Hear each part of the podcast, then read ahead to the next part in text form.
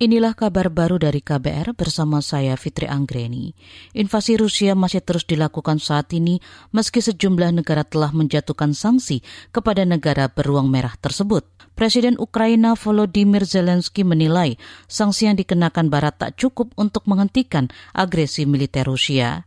Mengutip antara news.com, Zelensky menyebut saat ini dunia terus mengamati wilayah Ukraina yang dihujani rudal-rudal Rusia. Dia mengingatkan pengeboman ini pada serangan Nazi Jerman selama Perang Dunia Kedua. Sementara itu di Rusia, ratusan orang ditahan pada Kamis kemarin karena menolak invasi tersebut. Kita ke informasi berikutnya.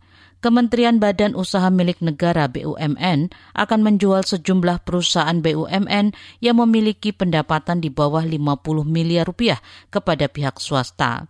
Staf khusus Menteri BUMN Arya Sinulinga beralasan rencana penjualan itu dilakukan lantaran ada beberapa perusahaan BUMN yang justru mengambil ceruk pasar dan berpotensi mematikan bisnis pengusaha lokal dan pelaku usaha mikro kecil menengah UMKM.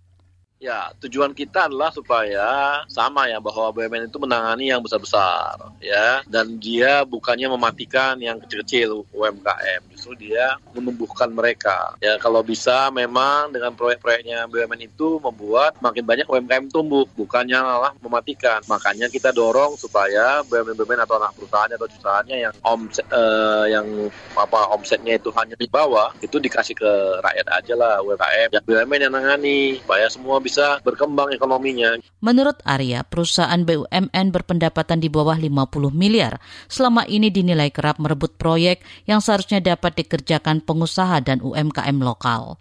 Dia mencontohkan ada UMKM yang tadinya menangani proyek besar di satu kawasan, kemudian membentuk anak usaha dengan dalih untuk memaksimalkan keuntungan.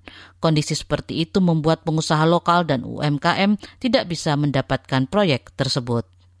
Kita ke Nusa Tenggara Barat, pemerintah Provinsi Nusa Tenggara Barat bakal mengarahkan para pekerja sawit ke Kalimantan, sebab hingga kini Malaysia sebagai salah satu negara penempatan pekerja migran Indonesia PMI masih ditutup karena proses negosiasi antar kedua negara belum selesai.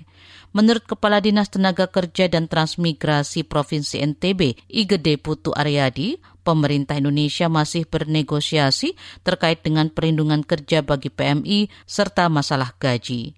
Aryadi menambahkan alasan itulah yang membuat Pemprov menyarankan para pekerja sawit ke Kalimantan karena di sana banyak perkebunan sawit yang membutuhkan tenaga terampil. Untuk sementara sudah ada 800 tenaga kerja asal NTB yang ditempatkan di perkebunan sawit Kalimantan dari kuota sekitar 2.000 orang.